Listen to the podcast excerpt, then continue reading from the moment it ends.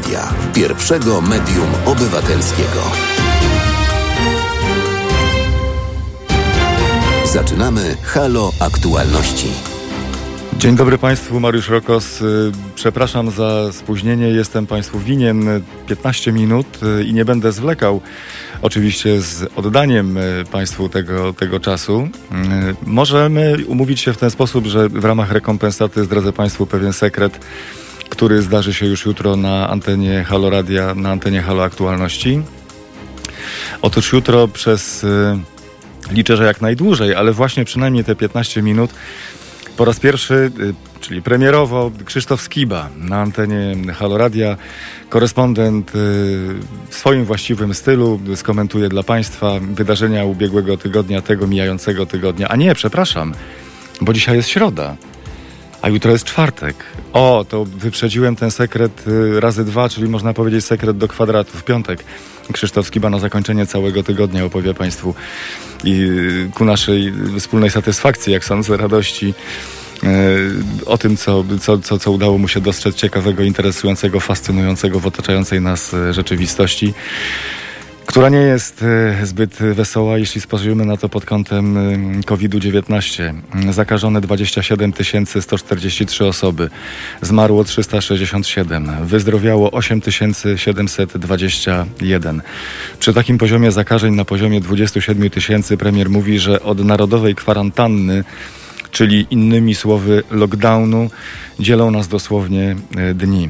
E, Na antenie Haloradia kilka dni temu dr Artur Bartoszewicz, e, który jest ekonomistą, mówił, ten lockdown to jest najgorsze możliwe rozwiązanie, bo to nas wpędzi w takie tarapaty gospodarcze, z których możemy się po prostu długo, długo, długo nie wyplątać. COVID-19, lockdown, niepokój społeczny, gdy złożymy te wszystkie mm, elementy, one oczywiście funkcjonują w trochę innym wymiarze, ale skład tej mieszanki wybuchowej może być bardzo podobny. Jak we Francji, dzisiaj od godziny 19 do 23, specjalnie dla Państwa, Zbigniew Stefanik i zaproszeni przez niego goście na gorąco będą analizować i opowiadać o tym, co się dzieje we Francji. A zdaniem redaktora Zbigniewa Stefanika robi się naprawdę dramatycznie. I może być już chyba tylko gorzej, chociaż mam nadzieję też taką, być może jak i Państwo, że jakaś iskierka nadziei się pojawi, ale dla nas to może być bardzo pouczająca lekcja.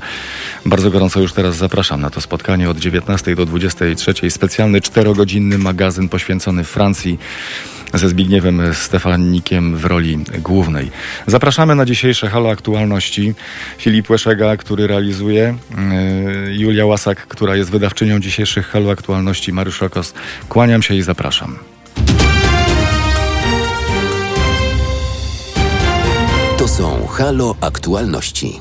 Opowiedzieliśmy sobie nieco o COVID-19 i będziemy jeszcze do tego wracać, bo chcemy pokazać y, Państwu i przyjrzeć się wspólnie temu, jakie mogą być konsekwencje na wielu różnych płaszczyznach y, wprowadzenia tego lockdownu.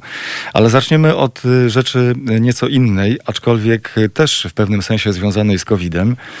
Już za chwilę na naszej antenie pan Jacek Męcina, prawnik, politolog i polityk społeczny, ekspert z zakresu prawa pracy, zbiorowych stosunków pracy i rynku pracy, opowie nam o zmianach, które zachodzą na rynku pracy w Polsce, bo Dochodzi do rzeczy dość zaskakującej na pierwszy rzut oka, to znaczy menedżerowie w wieku 40-50 lat y, plus w zasadzie do tej pory czuli się bardzo bezpiecznie. Be, bardzo bezpiecznie, bo i tak, i wiedza, i doświadczenie, i pewne miejsce wydawać by się mogło pracy, a teraz sytuacja zaczyna przybierać dla nich bardzo niekorzystny obrót, dlatego że mogą mieć problemy nie tylko z utrzymaniem swojego dotychczasowego miejsca pracy, ale również ze znalezieniem nowego, co wydawać by się mogło przy takim doświadczeniu i przy takiej wiedzy. No, wydawać by się mogło, że to jest sytuacja komfortowa, jeśli ktoś, e, ktoś ma coś takiego w swoim CV, że idzie i niemalże z marszu jest przyjmowany w nowym miejscu. Już za chwilę e, pan e, Jacek Męcina razem z nami specjalnie na antenie Halo Aktualności.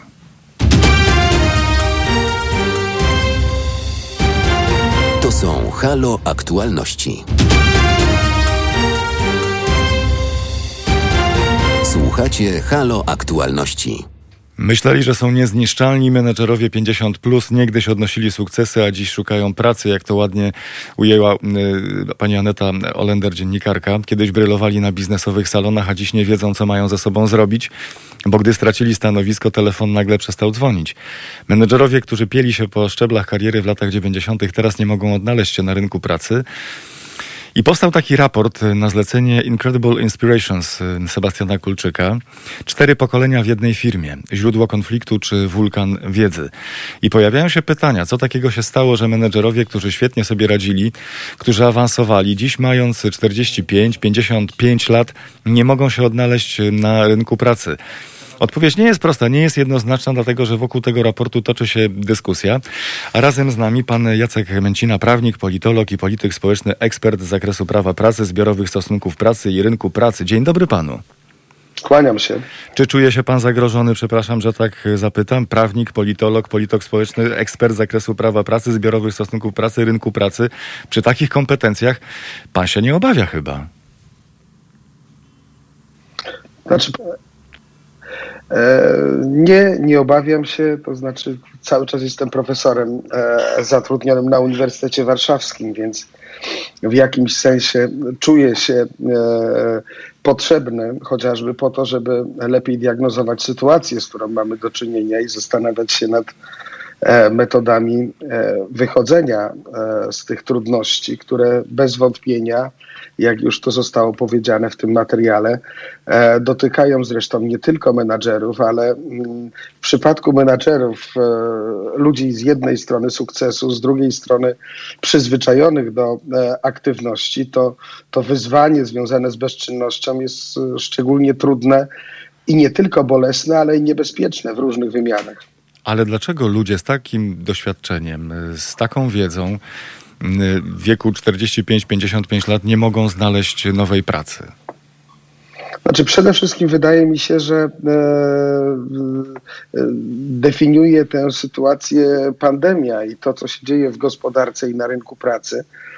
A niestety mm, to jest dopiero początek no, e, pewnego Armagedonu, który nas e, na rynku pracy czeka, bo z całą pewnością E, ten wzrost zachorowań e, będzie e, mm, skutkował tym, że decyzje, decyzje firm będą jeszcze bardziej bolesne. Firmy nie będą w stanie utrzymywać zatrudnienia na dotychczasowym poziomie i aby przetrwać, będą musiały E, redukować zatrudnienie. To, co jest e, szansą dzisiaj dla e, bardzo wielu sektorów, to praca zdalna, ale wiemy doskonale, że nie we wszystkich sektorach pracę zdalną można wykorzystać do ograniczania kosztów pandemii w równym zakresie. Stąd ja spodziewam się, że dopiero w drugiej połowie roku 2020 będziemy obserwować powolne ożywienie gospodarcze, powolny powrót do normalności. Jak wszystkie doświadczenia pokazują tutaj w Europie, gdzie mamy do czynienia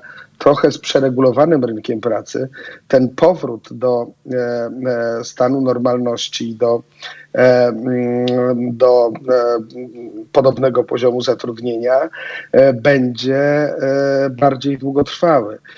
Jest pytanie, czy E, firmy nie zderzą się w tej drugiej połowie 2020 roku, kiedy no, ta pandemia mm, z całą pewnością odpuści. Pytanie jest, czy na długo, czy, e, mm, czy, czy, czy, czy na krócej, ale o tym możemy, o tej perspektywie możemy porozmawiać e, później, ale jaka będzie sytuacja w gospodarce? Ja spodziewam się kryzysu popytowego, który będzie powodował no, taki, takie ograniczone, ograniczone tempo odbudowa, odbudowywania przez firmy e, swojego e, potencjału. Zatem e, jeśli mówimy o menadżerach, o tych osobach najbardziej aktywnych, to co im pozostaje, biorąc pod uwagę zmiany strukturalne, które nastąpią w gospodarce, odgadywanie tych nowych trendów, które będą w gospodarce, bo uwaga, pozytywna informacja jest taka, w Polsce mamy bardzo trudną sytuację demograficzną i ludzi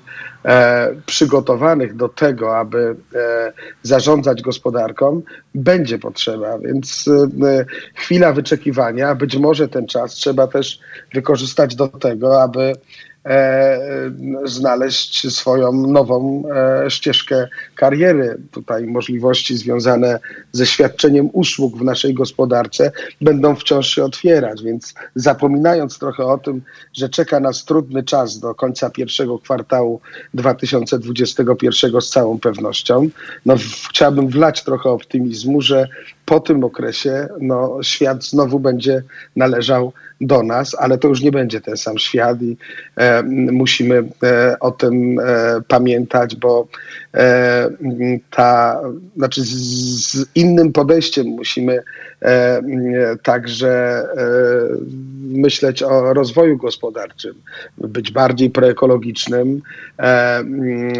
Te usługi osobiste będą, ich znaczenie będzie rosnąć, a i w biznesie my myślę, że już sytuacja nie będzie tak samo wyglądać, jak wyglądała przed pandemią.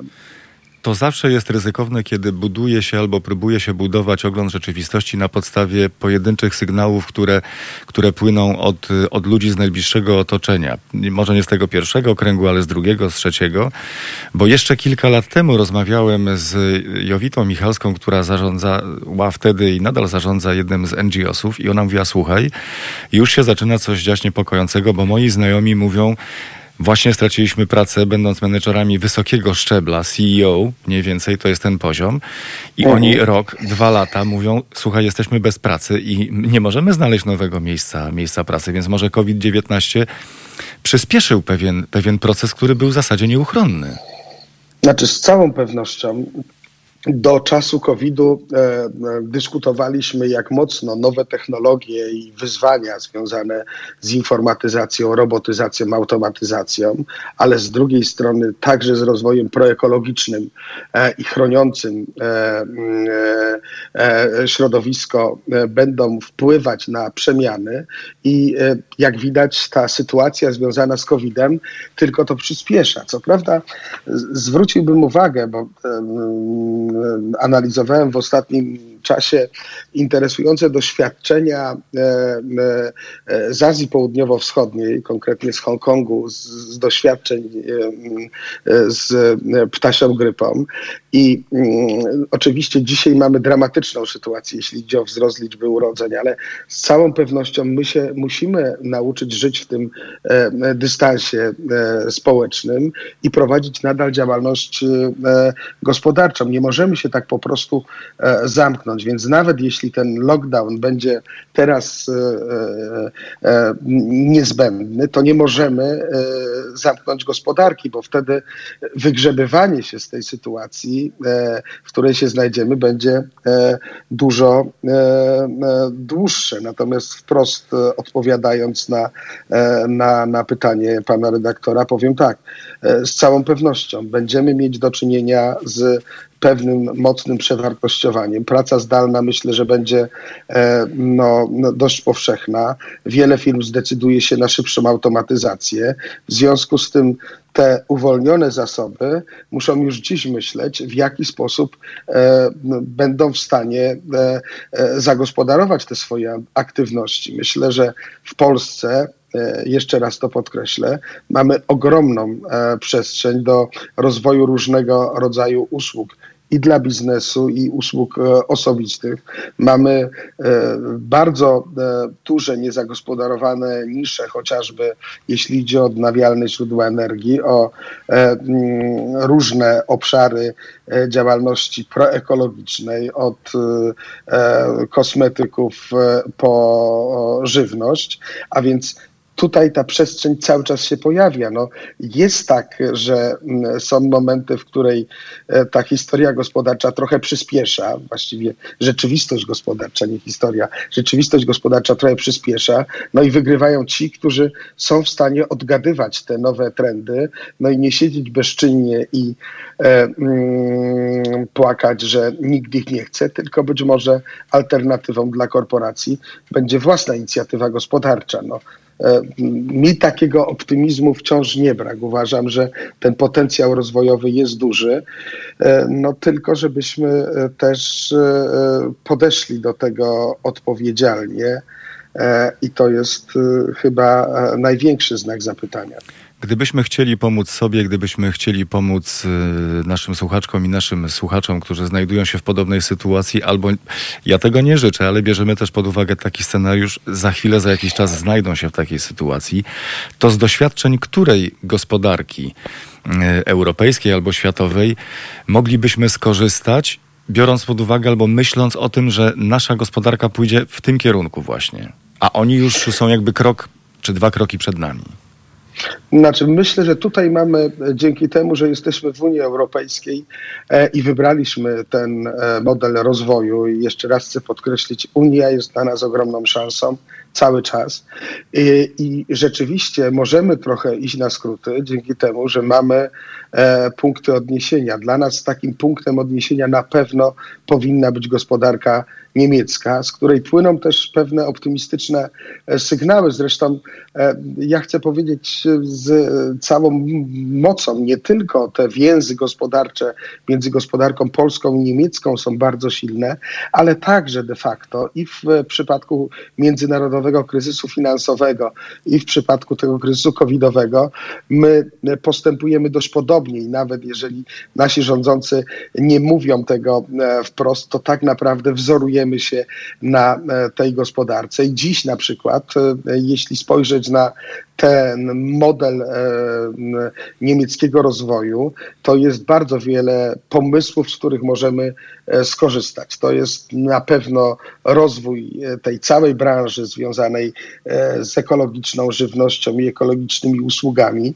które no, mierzone częściami PKB oznacza, że z 10% możemy zbudować potencjału właśnie na tym kierunku. Poza tym e, nowoczesne formy świadczenia pracy.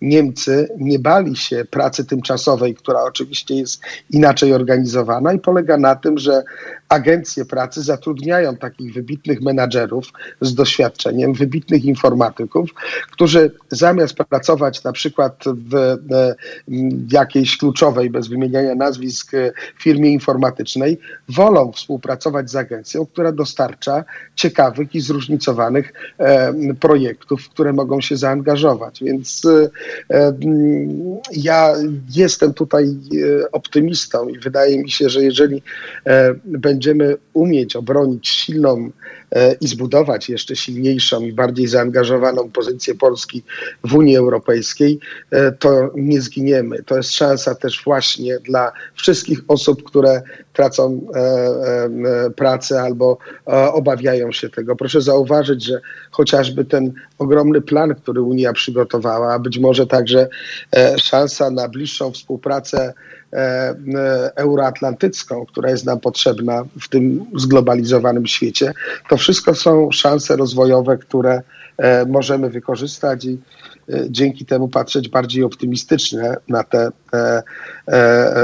trudne czasami wskaźniki. Panie profesorze, na pokładzie tej łodzi zwanej Polską mamy też ludzi bardzo młodych, młodych, do których być może docierają też takie sygnały y, mówiące o tym, zapomnijcie o tym, że kiedyś można było sobie, tak jak kiedyś można było sobie wybrać jeden zawód i w tym jednym zawodzie funkcjonować do emerytury, a potem nawet jeszcze, jeszcze i dłużej.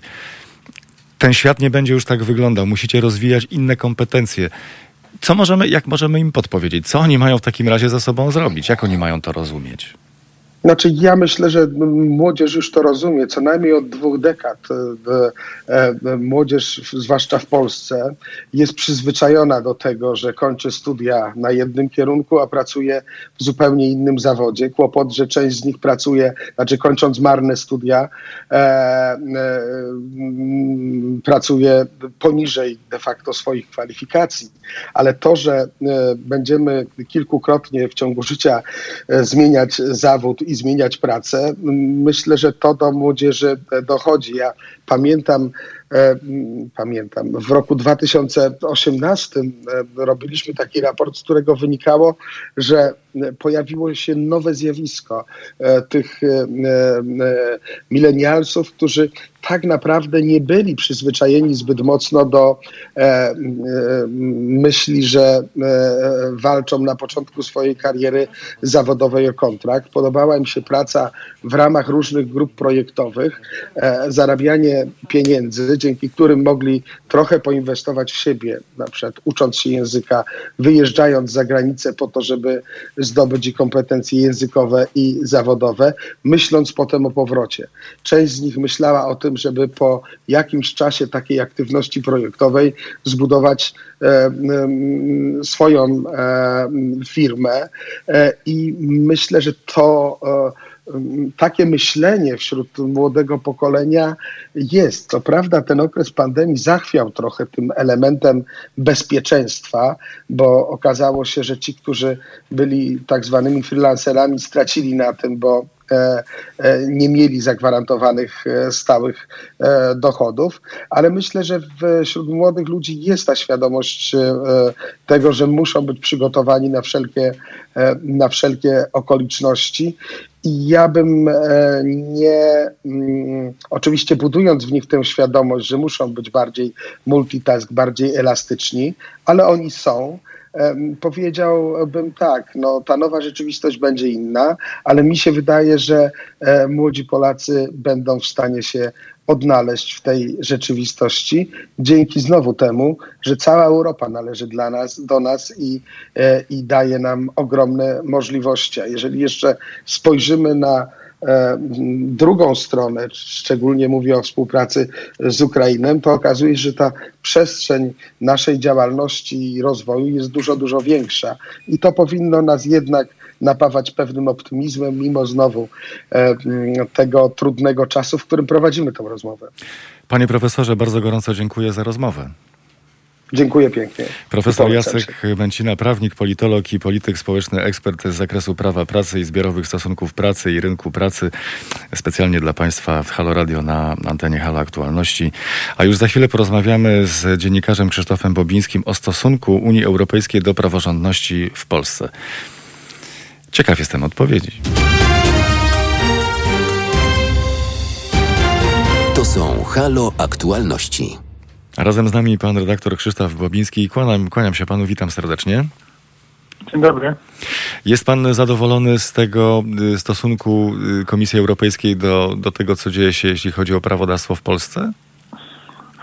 Ja jestem zadowolony. Na moje oko Komisja Europejska robi wszystko, co jest możliwe, żeby y, mechanizm łączący jakby wypłatę środków pomocowych i innych związanych ze stanem praworządności w danym kraju to nie jest łatwe, bo mm, y, ustalenia Komisji Europejskiej muszą być uzgodnione i z Parlamentem Europejskim, i z Radą Europejską. Jak wiadomo, w Radzie Europejskiej są pewne państwa, w tym Polska i Węgry, które nie chcą, żeby takie łączenie się zostało zapisane w, w obyczajach i, i statutach y, Unii Europejskiej. W zasadzie to zaniepokojone powinny być też inne kraje, bo wtedy, gdy mm, y, na nasze między innymi życzenie y, został stworzony raport na temat przestrzegania prawa i praworządności, to on dotyczył nie tylko Polski, nie tylko Węgier, ale również innych krajów i okazało się, że wszyscy mają coś za uszami i wszyscy mają niedociąg niedociągnięcia. Wie pan, to, to było tak z Unią Europejską, że y, podejście do y, dawniej było takie, że kraje unijne są idealne, to znaczy nie, nie ma żadnych problemów w krajach unijnych, a jeżeli są jakieś problemy, to te państwa unijne mają same to e, rozwiązać i, i nie, nie, będzie ingerencji ani Parlamentu Europejskiego, ani e, Komisji Europejskiej. E, Unia bardzo mocno walczyła o to, żeby praworządne były te kraje, które przystępowały czy występowały o członkostwo Unii, ale potem jak już zostały przyjęte, to wtedy było założenie takie milczące, że te kraje są idealne i nie, nie, nie należy interweniować. To się w tej chwili bardzo szybko zmienia. E, w tej chwili już e, właśnie e, Komisja Europejska mm, pisze raport o stanie praworządności we wszystkich krajach unijnych, bo tak musiało być, bo przecież nie mogła pisać o tylko nie niektórych krajach, bo wtedy by inne krzyczały, czy, czy te kraje by krzyczały, że są, są tutaj prześladowane.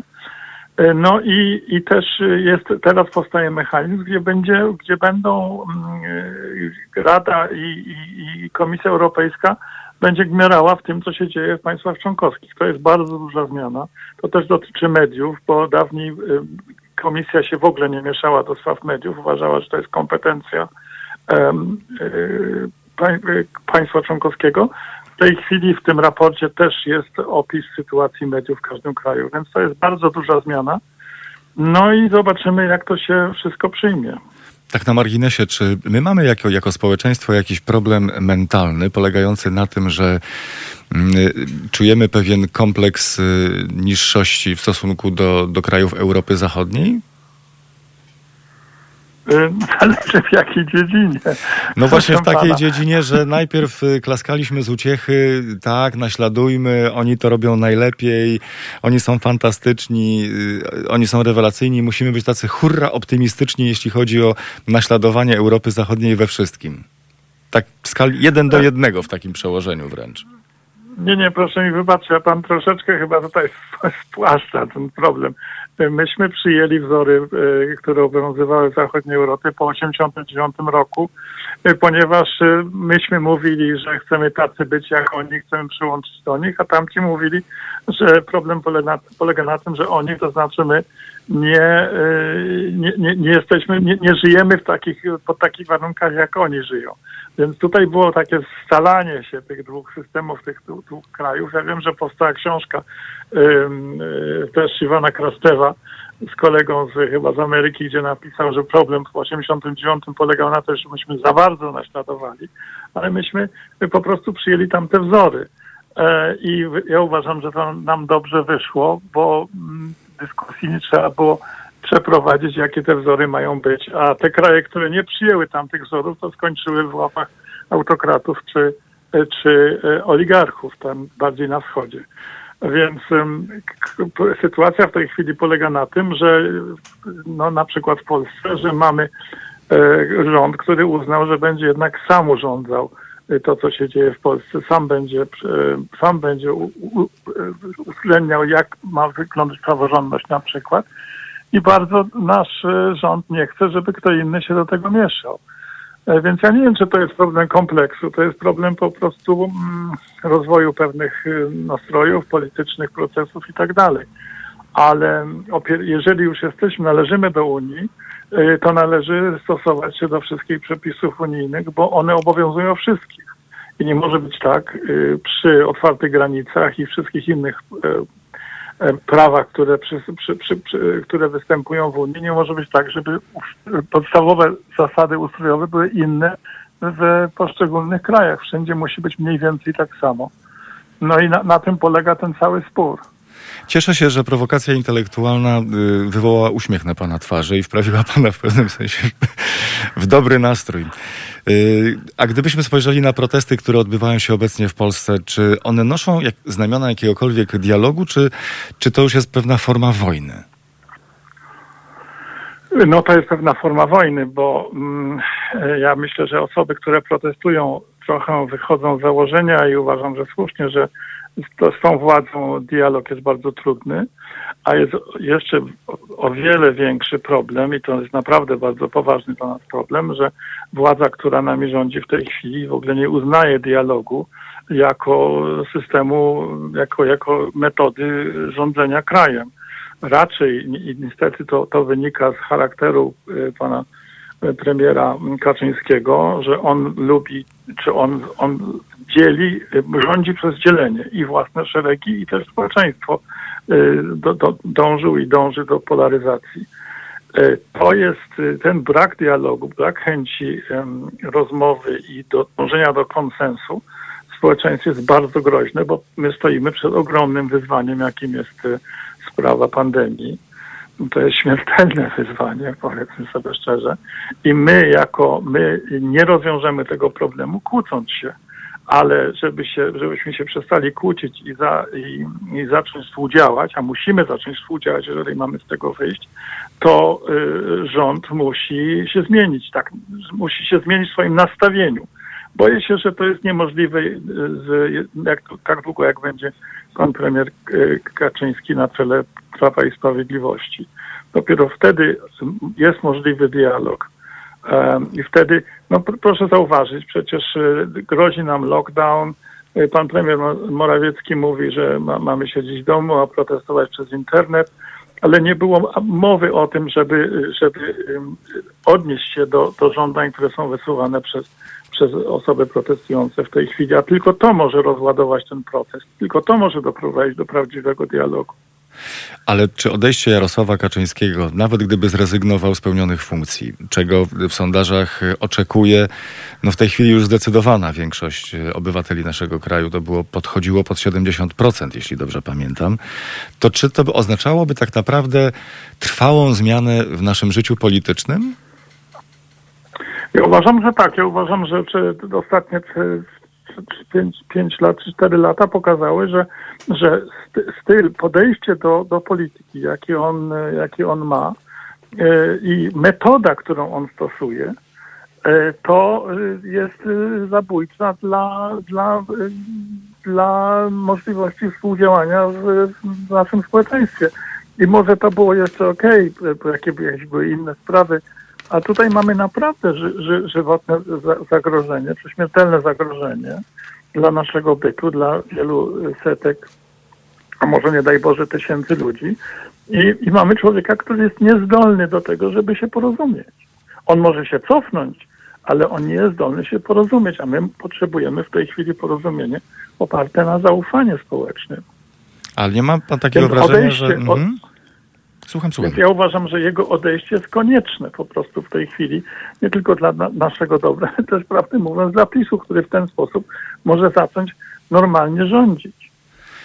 Ale my już jesteśmy tak chyba, ocieramy się nieco w takim myśleniu o lekką, lekką paranoję, dlatego że jesteśmy już umęczeni po prostu tym koronawirusem. Jesteśmy zmęczeni psychicznie, zestresowani protestami, nie dlatego, że stoimy po tej czy po innej stronie sporu, tylko sama, sama, y, sama ta aktywność jest wykańczająca. Więc być może w naszej głowie zrodzi się takie podejrzenie, dobrze, Jarosław Kaczyński rezygnuje, nie jestem wicepremierem, nie jestem prezesem Prawa i Sprawiedliwości, ale będziemy być może nadal podejrzewać, że on takiego już wtedy bardzo głębokiego cienia nadal pociąga za sznurki. No tego to ja już nie wiem. To, to, hmm. to, jaka jest jego zdolność pociągania za sznurki, to, jest, to, to, to byśmy zobaczyli. Ale po prostu ten, y, on powinien pójść na emeryturę. Mhm. E, I to już jest najwyższy czas, bo on naprawdę to jest, to jest postać szkodliwa dla, dla przyszłości naszego społeczeństwa. Ja nie mówię, ja nie mówię tego nawet przeciw PiSowi, niech sobie PiS rządzi. Ale te metody, te podejście do człowieka, do życia, do społeczeństwa, które on hołduje, e, jest y, bardzo dla nas niebezpieczne, bo to jest podejście na dzielenie. A jeżeli my chcemy sobie dać radę z epidemią, z pandemią, jeżeli mam, musimy postawić na nogi ponownie, jak to się przejdzie, daj Boże, y, służbę zdrowia, to tego, tego się nie da zrobić przez prowadzenie polityki konfrontacyjnej wobec wobec y, przeciwnika czy partnera politycznego, jakim jest opozycja. Bardzo gorąco dziękuję za rozmowę na antenie Halo Radia. Pan redaktor Krzysztof Bobiński. Dziękuję pięknie. To są Halo Aktualności. Zakażone 27 143 osoby, zmarło 367, wyzdrowiało 8721. Na Stadion Narodowy dziś ma trafić pierwszy pacjent, tak zapowiedział to premier Mateusz Morawiecki. A my przyglądamy się trwającym protestom i poprosiliśmy o spotkanie panią doktor Ewę Pietrzyk-Zieniewicz. Dzień dobry pani, kłaniam się, witam w Halo Radio. Dzień dobry panu, dzień dobry państwu. Jak pani ocenia obecną sytuację protestujących kobiet? Jaką to ma dynamikę? To się ustabilizowało na pewnym poziomie? Czy to narasta? I tutaj trudno jest coś mniemać, natomiast y, widzę pewną prawidłowość i to niepokoi, bo jeżeli dziewczyny teraz odpuszczą, no to problem zostanie i w sumie władza wyjdzie na swoje. No ale jednak to, co dzieje się, i jeśli chodzi o sytuację zdrowotną i gospodarczą, no troszeczkę ten problem przykrywa. No bo przecież tutaj mamy, wie pan, nie każdy jest na tyle tam finansowo zabezpieczony, żeby mógł sobie spokojnie powiedzieć, trudno, nie będzie pracy, to nie będzie. A już w tej chwili no niestety zamyka się nas w domach i pewnie słusznie, no ale przez to wiele osób tej pracy nie ma i to nie tylko panie, ale też i, i mężowie, ojcowie rodzin i nic nie wskazuje na to, żeby tutaj coś się mogło w najbliższym czasie polepszyć. Druga sprawa też bardzo ważna, przesunięte posiedzenie parlamentu, więc dwa tygodnie będziemy czekać i cóż, no te protesty, jeżeli zostaną przerwane, to władza wyjdzie na swoje i już niespecjalnie będzie się musiała tym problemem aborcyjnym chociażby zajmować. No a jak to przez te dwa tygodnie teraz przetrwać, prawda? W dodatku jeszcze dzieci będą w domu, bo najwyraźniej y, do tego wszystko idzie, no ktoś się nimi zająć musi, zwłaszcza tymi małymi. W dodatku no władza tutaj mocno przyciska, bo chociażby nauczyciele po tych oświadczeniach pana ministra edukacji siedzą i przed sobą mają ekran, a obok siebie telefon, bo są sprawdzani, czy aby tam przy tym ekranie tkwią i, i są. Więc bardzo niesprzyjające jest to wszystko dla y, protestowania. No i też narasta w Polakach takie duże pytanie, o które zresztą chodziło władzy. Dlaczego teraz? Dlaczego w tym momencie że ten punkt ciężkości się przesuwa. Pytaliśmy, dlaczego władza i jak mogła w ogóle pozwolić sobie w środku pandemii na podejmowanie tak newralgicznego problemu, jak y, problem dostępności aborcji i jak rozwalić ten chwiejny kompromis, który był od 93 roku, no chwiejny, ale jakiś. Dlaczego teraz? No a dzisiaj już słyszymy, no dlaczego teraz te protesty, czy nie moglibyście się ludzie jednak zająć jakoś tam ogarnięciem domu dzieci, y, pracy cen i, i tego wszystkiego. I tu się zastanawiam, czy aby, bo myślałam, że władza przekombinowała. Rozmiar protestów rzeczywiście władzę zaskoczył. Natomiast w tej chwili no, mają rację ci, którzy tam pewnie podpowiadali panu Kaczyńskiemu. Spokojnie, tydzień, dwa i inne sprawy bardzo ważne przykryją tę problematykę, zwłaszcza tę aborcyjną. Poza tym to wszystko będzie niedoprecyzowane i też mieli rację, bo tutaj różne gremia kobiet różne hasła niosą przecież i to tak jakby eklektyczne się staje i trudno doprecyzowywalne. No i wyjdziemy na swoje gdzieś tam, przepchniemy to, co będziemy chcieli przepchnąć. No taki niedobry moment jest w tej chwili, a chciałoby się krzyknąć, jeżeli odpuścimy, zrobią co zechcą. Czy to jest dobry moment i czy to w ogóle jest dobry pomysł, bo pojawiają się takie głosy, żeby przekształcić ogólnopolski strajk kobiet w partię polityczną? Właśnie, panie redaktorze, coraz więcej pomysłów i to, no, przyznam się, że niekiedy dziwacznych w jaką partię? Jak? Przecież partia polityczna, no w przeciwieństwie do ruchu obywatelskiego, z którym teraz mamy do czynienia, no musi mieć jakiś program, jakąś, no elementarnie przynajmniej określoną ideologię, no jak gdyby istnieć po coś, no i mieć liderów. A tutaj już widzimy, przejrzyjmy internet, no y, różne gremia kobiet niespecjalnie są zadowolone i z obecnych, no nazwijmy to liderek, y, chociaż nikt ich jeszcze nie mianował przecież, no w partii byłoby to inaczej, prawda? Więc tak panie, no nic dziwnego, powtarzam, bardzo różne racje się tutaj zebrały wokół tej pierwszej y, podstawowej racji, odczepcie się od, y, od tych kwestii aborcyjnych teraz, prawda? Tak to nazywam.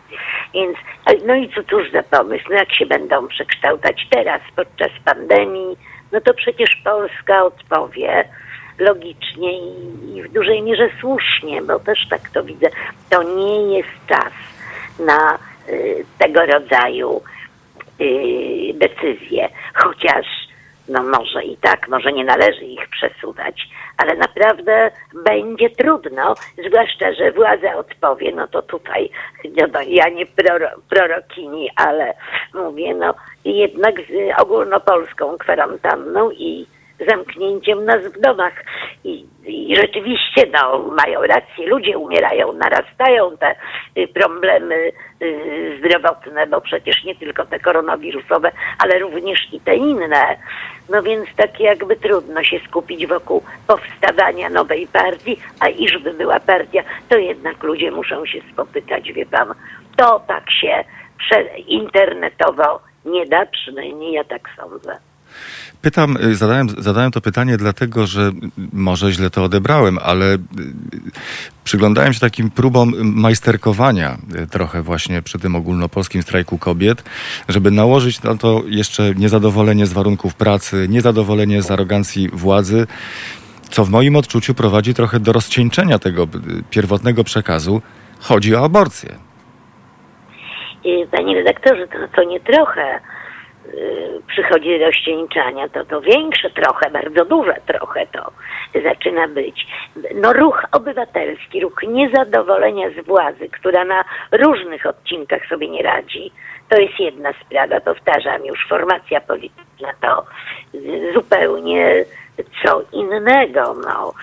A, a że jakieś tam postaci chcą przy okazji zrobić sobie lans, a to nie, nie, dziwię się, nawet jak obserwowałem te protesty. Pytano mnie zresztą, y, o to już kilkakrotnie to mówiłem, no czy, czy tam politycy powinni się znaleźć wśród protestujących? Powinni, ale nie na cele i nie oni powinni tam być tym głównym Yy, rozdającym i przemawiającym, bo na pewno wielu będzie sobie chciało zrobić wizerunek i tak się polansować, a to, to nie o to chodzi a to jako żywo nie o to chodzi, ale że takie próby będą, no oczywiście tak przemawiać na wiecach, gdzie ileś tam tysięcy, a ileś tam dziesiąt tysięcy y, y, niezadowolonych protestuje, no to niewątpliwie rysujesz wtedy siebie jako takiego wodza i, i barda.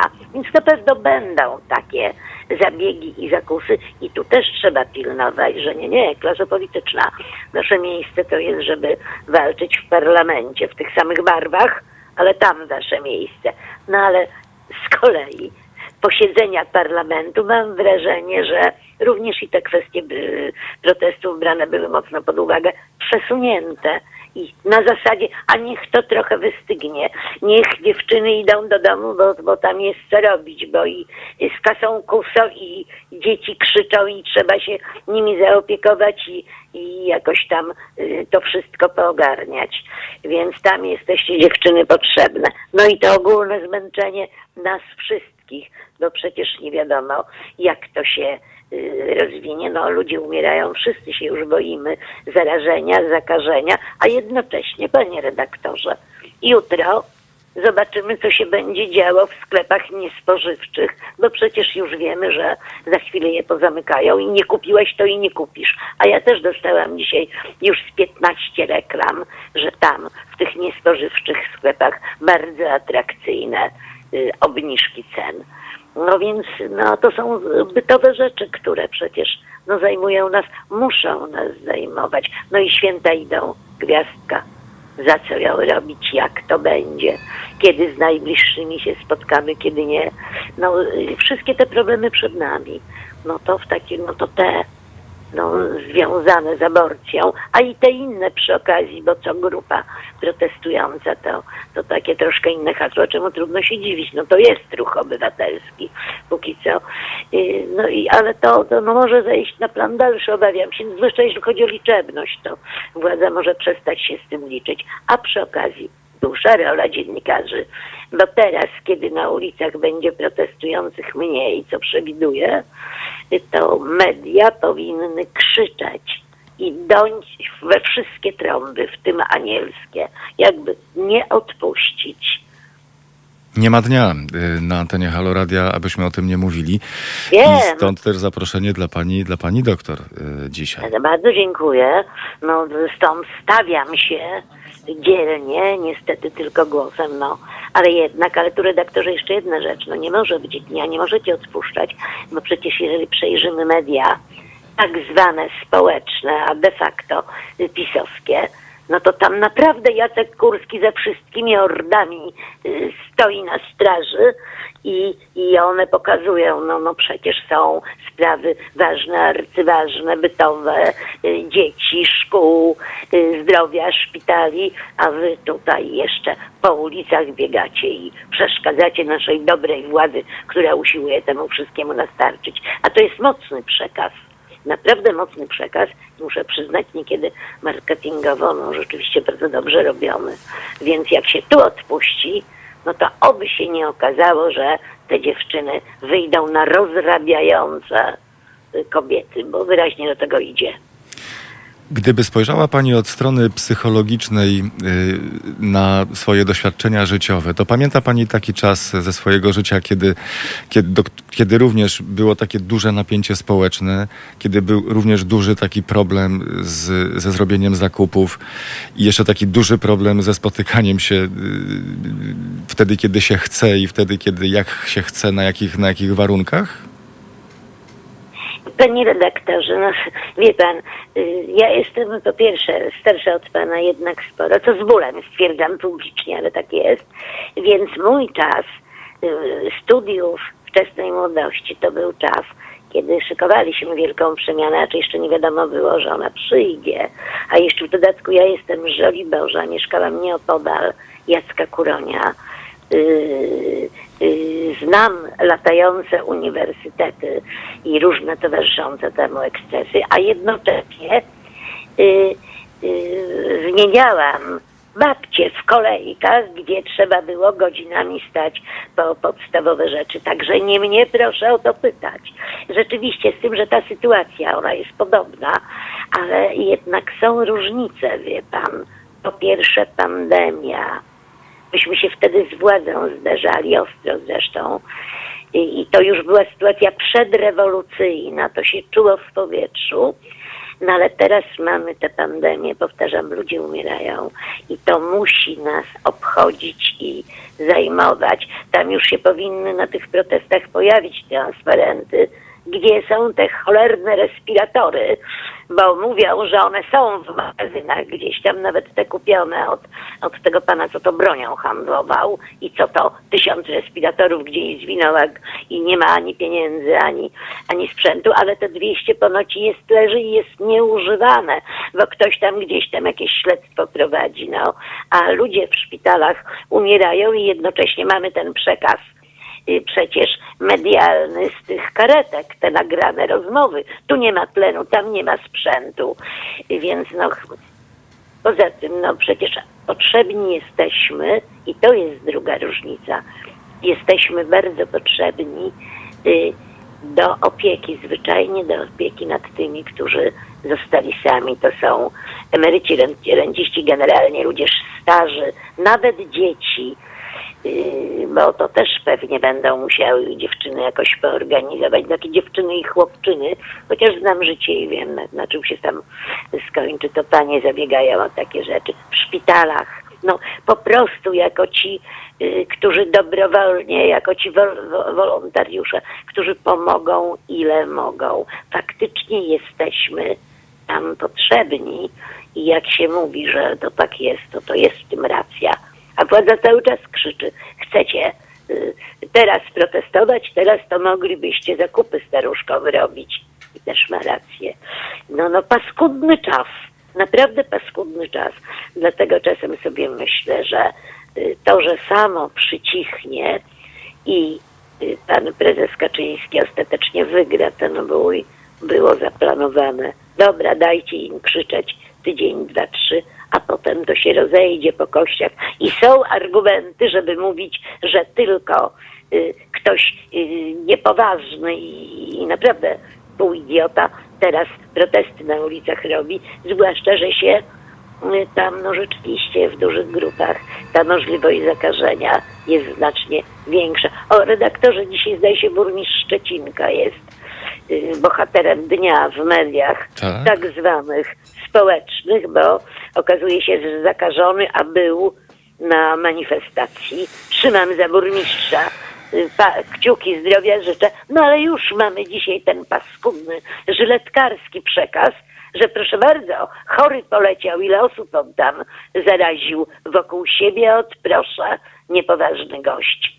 To no. będzie, to jest. No, to nam towarzyszy. Wolałbym jednak, żeby, żeby osoby, które są, które są zakażone, żeby jednak, żeby jednak też wykazywały troskę o zdrowie innych. Pani doktor... Redaktorze, tak. ja bym też wolała, jeszcze jedno zdanie, ale ja podejrzewam, że on jeszcze tego nie wiedział. A, to Po zmienia postać nie rzeczy. Wiedział, To no. zmienia postać Tyle rzeczy. tylko, że to jest, a to jest, wie- pan, pan jest w końcu człowiekiem mediów, sam wie, że tak można tekst zrobić, że No tak też- no tak też pani- tak- tak też pani- wynika.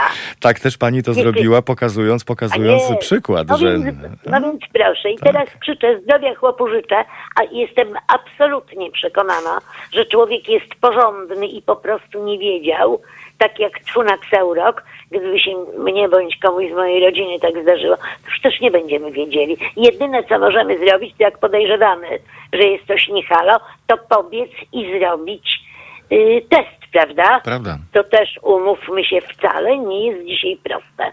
I to może potrwać kilka dni, zanim dostaniemy wynik. No, no to. niestety w takiej rzeczywistości żyjemy. Burmistrzowi zdrowie. Dla pani też życzenia zdrowia? Tak, dziękuję panu zdrowia, mediom publicznym, żeby ten przekaz był jakoś kurcze pieczone, rzetelny, no ale jest jaki jest, a to też trafia do Polaków. Bardzo gorąco dziękuję za rozmowę. Pani doktor Ewa Pietrzyk-Zieniewicz. Dziękuję. Słuchacie Halo Aktualności. Razem z nami, specjalnie dla Państwa na antenie Halo Radia, ambasador Krzysztof Pomiński, ambasador Rzeczypospolitej Polskiej w Iraku, ambasador Rzeczypospolitej y, w Arabii Saudyjskiej. Dzień dobry, panie ambasadorze, witam. Dzień dobry i również doradca dyplomatyczny Krajowej Izby Gospodarczej obecnej. Co też już w tej chwili y, uzupełniam. Bardzo gorąco dziękuję. Y, Witam. Mogę, mogę spytać o zdrowie na początek y, w tych, w tych, tych czasach covidowych? No myślę, że jest to ważne zawsze pytanie. Dzięki, dziękuję, dziękuję za nie. Na razie wszystko w porządku, także życzę i sobie, i panu, i wszystkim innym, żeby no, to zdrowie podtrzymywać i, nie dać się różnego rodzaju przeciwnościom. Zaprosiliśmy pana do rozmowy na temat y, Arabii Saudyjskiej, która wprowadza przełomowe zmiany w prawie pracy, ale pokusiłby pan się wcześniej o takie przewidywanie, kto zostanie kolejnym prezydentem Stanów Zjednoczonych? No ja tutaj zajmuję się problematyką bliskowschodnią, a tam ostatni prorocy to gdzieś tak y, półtora tysiąca lat temu byli, którym się jeszcze cokolwiek y, sprawdzało. A mówiąc y, poważnie, to wydaje mi się, że w tej chwili można powiedzieć, że większe wskazanie jest, większe prawdopodobieństwo, że prezydentem nowym będzie Joe Biden. Mhm, mhm. Dziękuję za... Dziękuję Ale za... za dużo bym za to nie dał, bo po prostu w warunkach, jakie są w Stanach Zjednoczonych, można po prostu sobie wyobrazić y, naprawdę rozwój sytuacji, który jest nieprzewidywalny.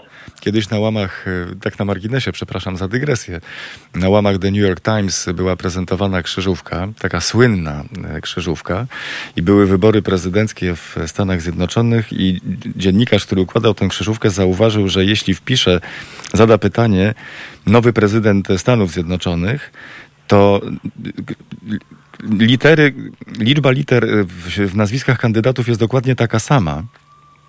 W związku z tym, cokolwiek by wpisali, będzie dobrze. A to, się to było wydanie, które miało ukazać się już po ogłoszeniu wyników, więc y, cieszę się, że nie udzielił pan dyplomatycznej odpowiedzi, tylko z lekkim skazaniem na Bidena. Panie Dziękuję. redaktorze, więc ja to patrząc na to, co się dzieje w Stanach Zjednoczonych, to czasami zaczynam się zastanawiać, czy przypadkiem system tak powszechnie krytykowany w Arabii Saudyjskiej, gdzie generalnie rzecz biorąc w zasadzie żadnych wyborów nie ma, nie jest bardziej sprawny. No ale to w formie żartu. Ale tutaj też mamy sytuację, właśnie zwróciłem na to uwagę. Trump i Biden to jest dokładnie ta sama liczba, ta sama liczba liter, więc to też się układa w, fajnie w krzyżówce. No tak i można powiedzieć, że rzeczywiście jest to krzyżówka, którą, której w tej chwili nikt chyba nie jest w stanie rozwiązać, a właściwie łamigłówka. W Arabii Saudyjskiej Arabia Saudyjska zlikwiduje kilka kluczowych prawnych ograniczeń dotyczących zagranicznych pracowników w ramach przeglądu kontrowersyjnej polityki y, pracy. To są istotne zmiany. Pana zdaniem i na czym one polegają? Wydaje mi się, że to są bardzo istotne zmiany. W Arabii Saudyjskiej i w krajach sąsiednich od lat 50. Y, obowiązuje, jeżeli chodzi o zatrudnianie zagranicznych pracowników, system tak zwanej kafala. Jest to rodzaj sponsoringu, y, w którym zagraniczny pracownik przyjeżdżając do pracy z góry wie, kto jest jego pracodawcą, który jest jednocześnie jego sponsorem. E, sponsorem, który y, odpowiada za załatwienie jego wizy, który właściwie potem ma sytuację mm, no, pełnej kontroli nad y, jego pobytem i zatrudnieniem w Arabii Saudyjskiej. To odrobinę przypomina niegdysiejsze przypisanie do ziemi, a właściwie pewnego rodzaju formę niewolnictwa. Oczywiście z zastrzeżeniem, że y, ci pracownicy zagraniczni przyjeżdżają do krajów naftowych oczywiście z własnej woli, choć znowu tu pewnie trzeba byłoby zrobić pewne zastrzeżenie, że ta własna wola często jest ograniczona dramatem biedy, nędzy, sytuacją rodzinną, problemami w swoim kraju, gdzieś tam, prawda, w Bangladeszu, Filipinach, Pakistanie e, czy e, Indonezji. E, I no, jest to swego rodzaju wymuszony, wymuszony przyjazd. System kafala polega na tym, że od samego początku, od przyjazdu poprzez pobyt, i powrót y, ewentualnie na stałe. Ten pracownik zagraniczny jest głęboko uzależniony we wszystkim od swojego pracodawcy. I w tej chwili ten system jest łagodzony. On nie jest całkowicie znoszony w Arabii Saudyjskiej, ale od marca 2021 roku będą w nim wprowadzone bardzo poważne zmiany, które można określić generalnie jako liberalizujące stosunki na rynku pracy w Arabii Saudyjskiej. Na ile to jest istotne e, również z punktu widzenia Polski, to powiem tylko, że w tej chwili na połowę 2020 roku statystyka wskazywała zatrudnienie w Arabii Saudyjskiej 10 milionów 400 tysięcy pracowników zagranicznych. E, przy całej sile roboczej, jaka była zatrudniona w tym czasie, 14, niecałe 14 milionów. Czyli to pokazuje po prostu, jaki jest udział obcej siły roboczej w e, Arabii Saudyjskiej, w gospodarce, w, życiu całym państwa, a jednocześnie jak stosunkowo niewielki jest udział tej własnej, własnej siły roboczej. Arabia Saudyjska od dłuższego czasu była też przedmiotem krytyki właśnie za te, to podporządkowanie, taki system półniewolniczy stosowany wobec pracowników zagranicznych. No i niewątpliwie obecna decyzja podjęta, czy zapowiedź, ona no, dotyczy rzeczywiście bardzo ważnej sprawy i oznacza taką małą rewolucję w Arabii Saudyjskiej. Jest ona wymuszona z jednej strony potrzebami rynku pracy. Ten rynek pracy w Arabii Saudyjskiej skostniał. On potrzebował liberalizacji, uelastycznienia. Z drugiej strony Arabia Saudyjska była pod y, ogromną krytyką y, różnego rodzaju środowisk, organizacji międzynarodowych, y, na Zachodzie przede wszystkim, z krytyką zmierzającą no, do zmiany tego stanu rzeczy. Ale myślę, że sprawą najważniejszą, niezależnie od stopniowej modernizacji i liberalizacji państwa, która następuje w Arabii Saudyjskiej wraz z de facto rozpoczęciem rządów przez księcia Mohammeda bin Salmana, e, następcę tronu, to tutaj potrzeby rozwojowe związane z programem Wizja 2030 i Narodowym Planem Transformacji Arabii Saudyjskiej mają przy tej decyzji, wydaje mi się, najważniejsze znaczenie. Po prostu e, podejmując e, kolosalne programy rozwojowe i zamierzając e, odejść od uzależnienia kraju od ropy naftowej, otworzyć się na wiele innych dziedzin, zliberalizować również e, kulturowo kraj. No po prostu zachowanie takiej skostniałego systemu w odniesieniu do pracowników zagranicznych chyba po prostu było już kulą u nogi. Zresztą muszę powiedzieć, że w ciągu kilku ostatnich lat Arabia Saudyjska poczyniła pewne kroki zmierzające do poprawy sytuacji pracowników zagranicznych, między innymi stwarzając e, elektroniczny system e, dokumentacji kontraktowej, bo czasami przecież było tak, że e, pracodawca kontrakt chował i w zasadzie nawet nie było do niego wglądu. Jednocześnie wprowadzono również system polubownego rozwiązania, rozwiązywania sporów i cały szereg innych działań, które już jak gdyby przygotowywały grunt pod te obecne działania. Z tym, że od razu można też e, tutaj wprowadzić zastrzeżenie, że e, mamy tutaj do czynienia z liberalizacją istniejącego systemu, ale nie oznaczającą całkowitego zniesienia. E, tego systemu. Co teraz będzie mógł pracownik zagraniczny zrobić? Ano jak już przyjedzie, będzie miał tego sponsora, w trakcie realizacji kontraktu może go zmienić, e, nie pytając o zgodę swojego pracodawcy. Może samodzielnie, nie pytając się również o zgodę, tak jak dotychczas, wystąpić o wizę wyjazdowo-powrotną, żeby na przykład pojechać na urlop, e, odwiedzić rodzinę i wrócić z powrotem. I trzeci element y, istotny z tych y, punktów, które zostały zapowiedziane, również możliwość uzyskania we własnym zakresie wizy wyjazdowej pozwalającej na opuszczenie na stałe kraju y, po zakończeniu kontraktu, czy po w ogóle decyzji, że dany pracownik już w Arabii Saudyjskiej nie jest zainteresowany dalszą, dalszą pracą. E, te zmiany są również, ja wspomniałem tutaj o Polsce, ponieważ e, raz, że one będą dotyczyły Polaków, którzy, którzy w różnych dziedzinach w Arabii Saudyjskiej są zatrudnieni, ale również odwrotnego zjawiska, z jakimi mieliśmy do czynienia w ciągu ostatnich przynajmniej dwóch, trzech lat, kiedy ta trudna sytuacja na saudyjskim rynku pracy skłaniała bardzo wielu cudzoziemców z tych ponad 10 milionów tak tam zatrudnionych, żeby szukać szczęścia na innych rynkach, gdzie warunki być może były zdecydowanie lepsze, w tym również y, w Europie Środkowej, łącznie z mhm. Polską. Także taka tutaj można powiedzieć, taką mamy y, w tej chwili sytuację w Arabii w Arabii Saudyjskiej. Idzie, idzie, idzie, idzie w dobrą stronę. E, pan Krzysztof Andrzej e, Płomiński, e, ambasador Rzeczypospolitej Polskiej w Iraku, ambasador Rzeczypospolitej Polskiej w Arabii Saudyjskiej oraz doradca Krajowej Izby Gospodarczej. Bardzo gorąco dziękuję za spotkanie, panie ambasadorze.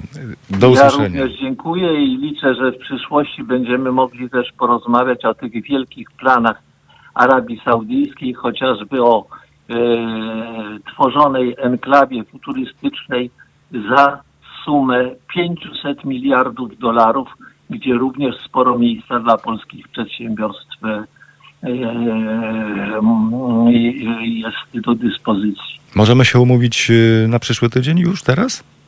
No, z ogromną przyjemnością. Bardzo gorąco dziękuję, zatem dziękuję i do usłyszenia.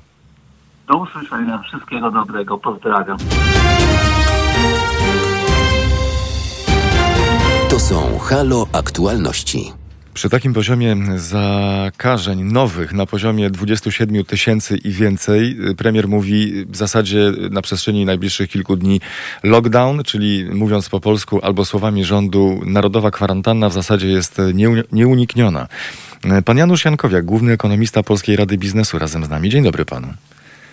Uszanowanie, witam. Podoba się panu ten pomysł wprowadzenia narodowej kwarantanny, zwanej również lockdownem lub odwrotnie?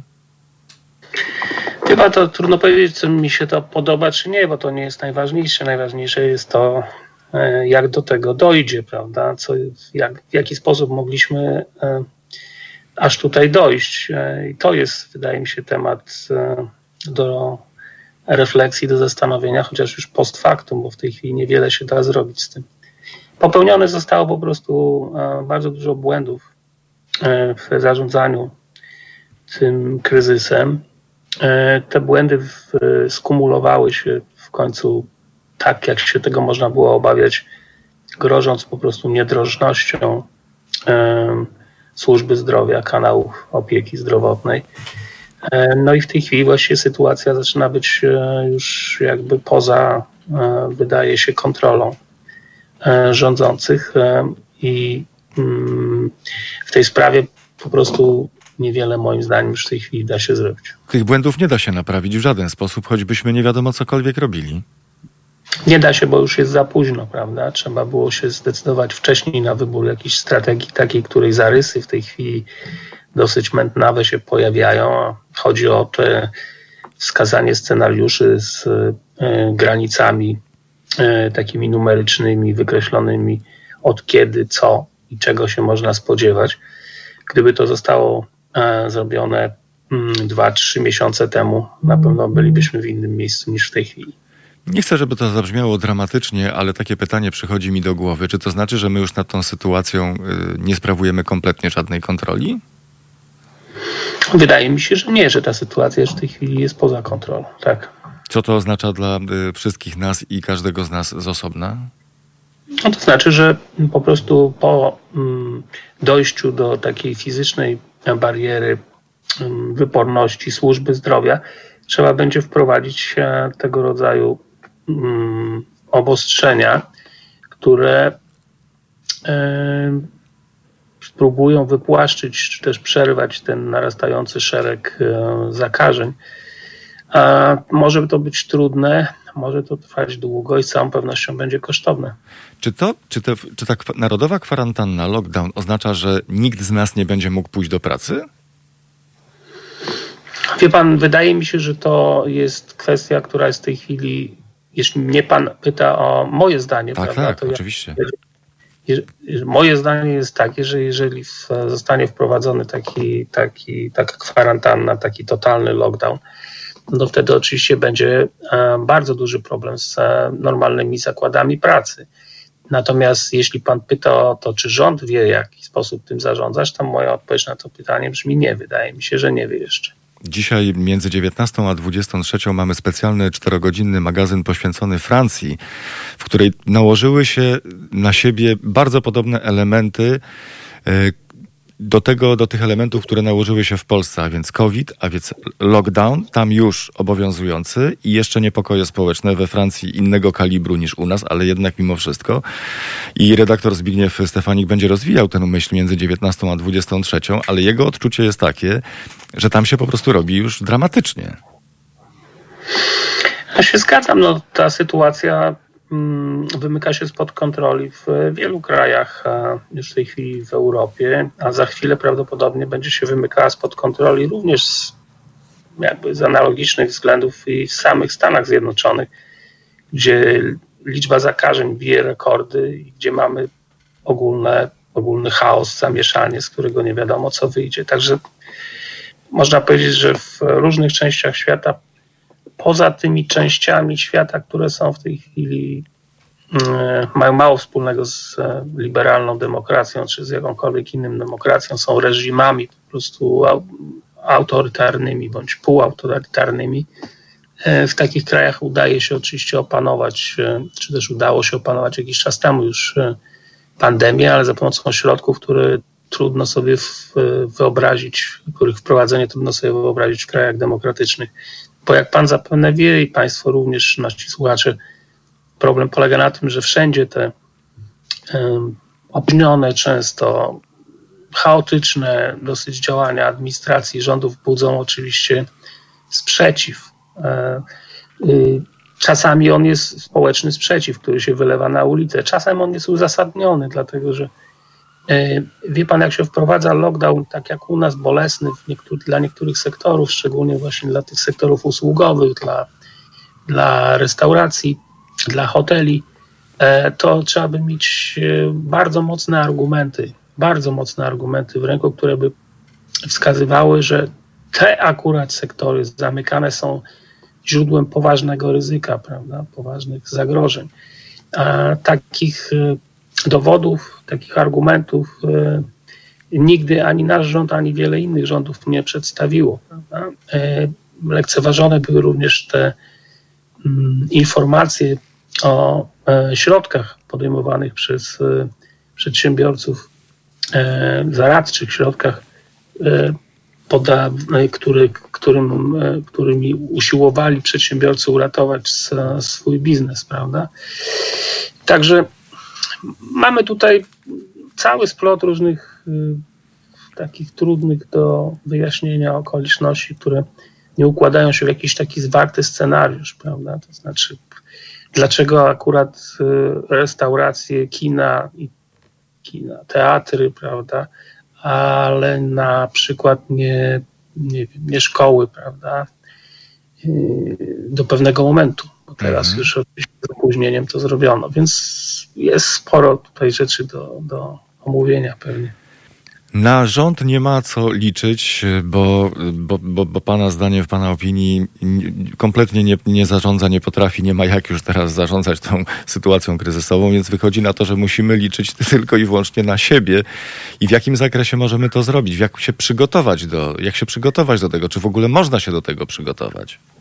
Wie Pan, to jest bardzo ciekawy wątek, który Pan porusza, dlatego że e, jest w Europie jeden przykład kraju e, takiego, który Hmm, trudno powiedzieć, że radzi sobie jakoś znacząco lepiej, jeżeli chodzi o y, liczbę ofiar śmiertelnych, prawda? Szczególnie to jest bardzo bolesne. Natomiast y, w którego postępowaniu y, bardzo silnie akcentowany jest taki element, który się ładnie nazywa self-responsibility, prawda? Czyli taka samoodpowiedzialność obywateli. Tym krajem jest Szwajcaria.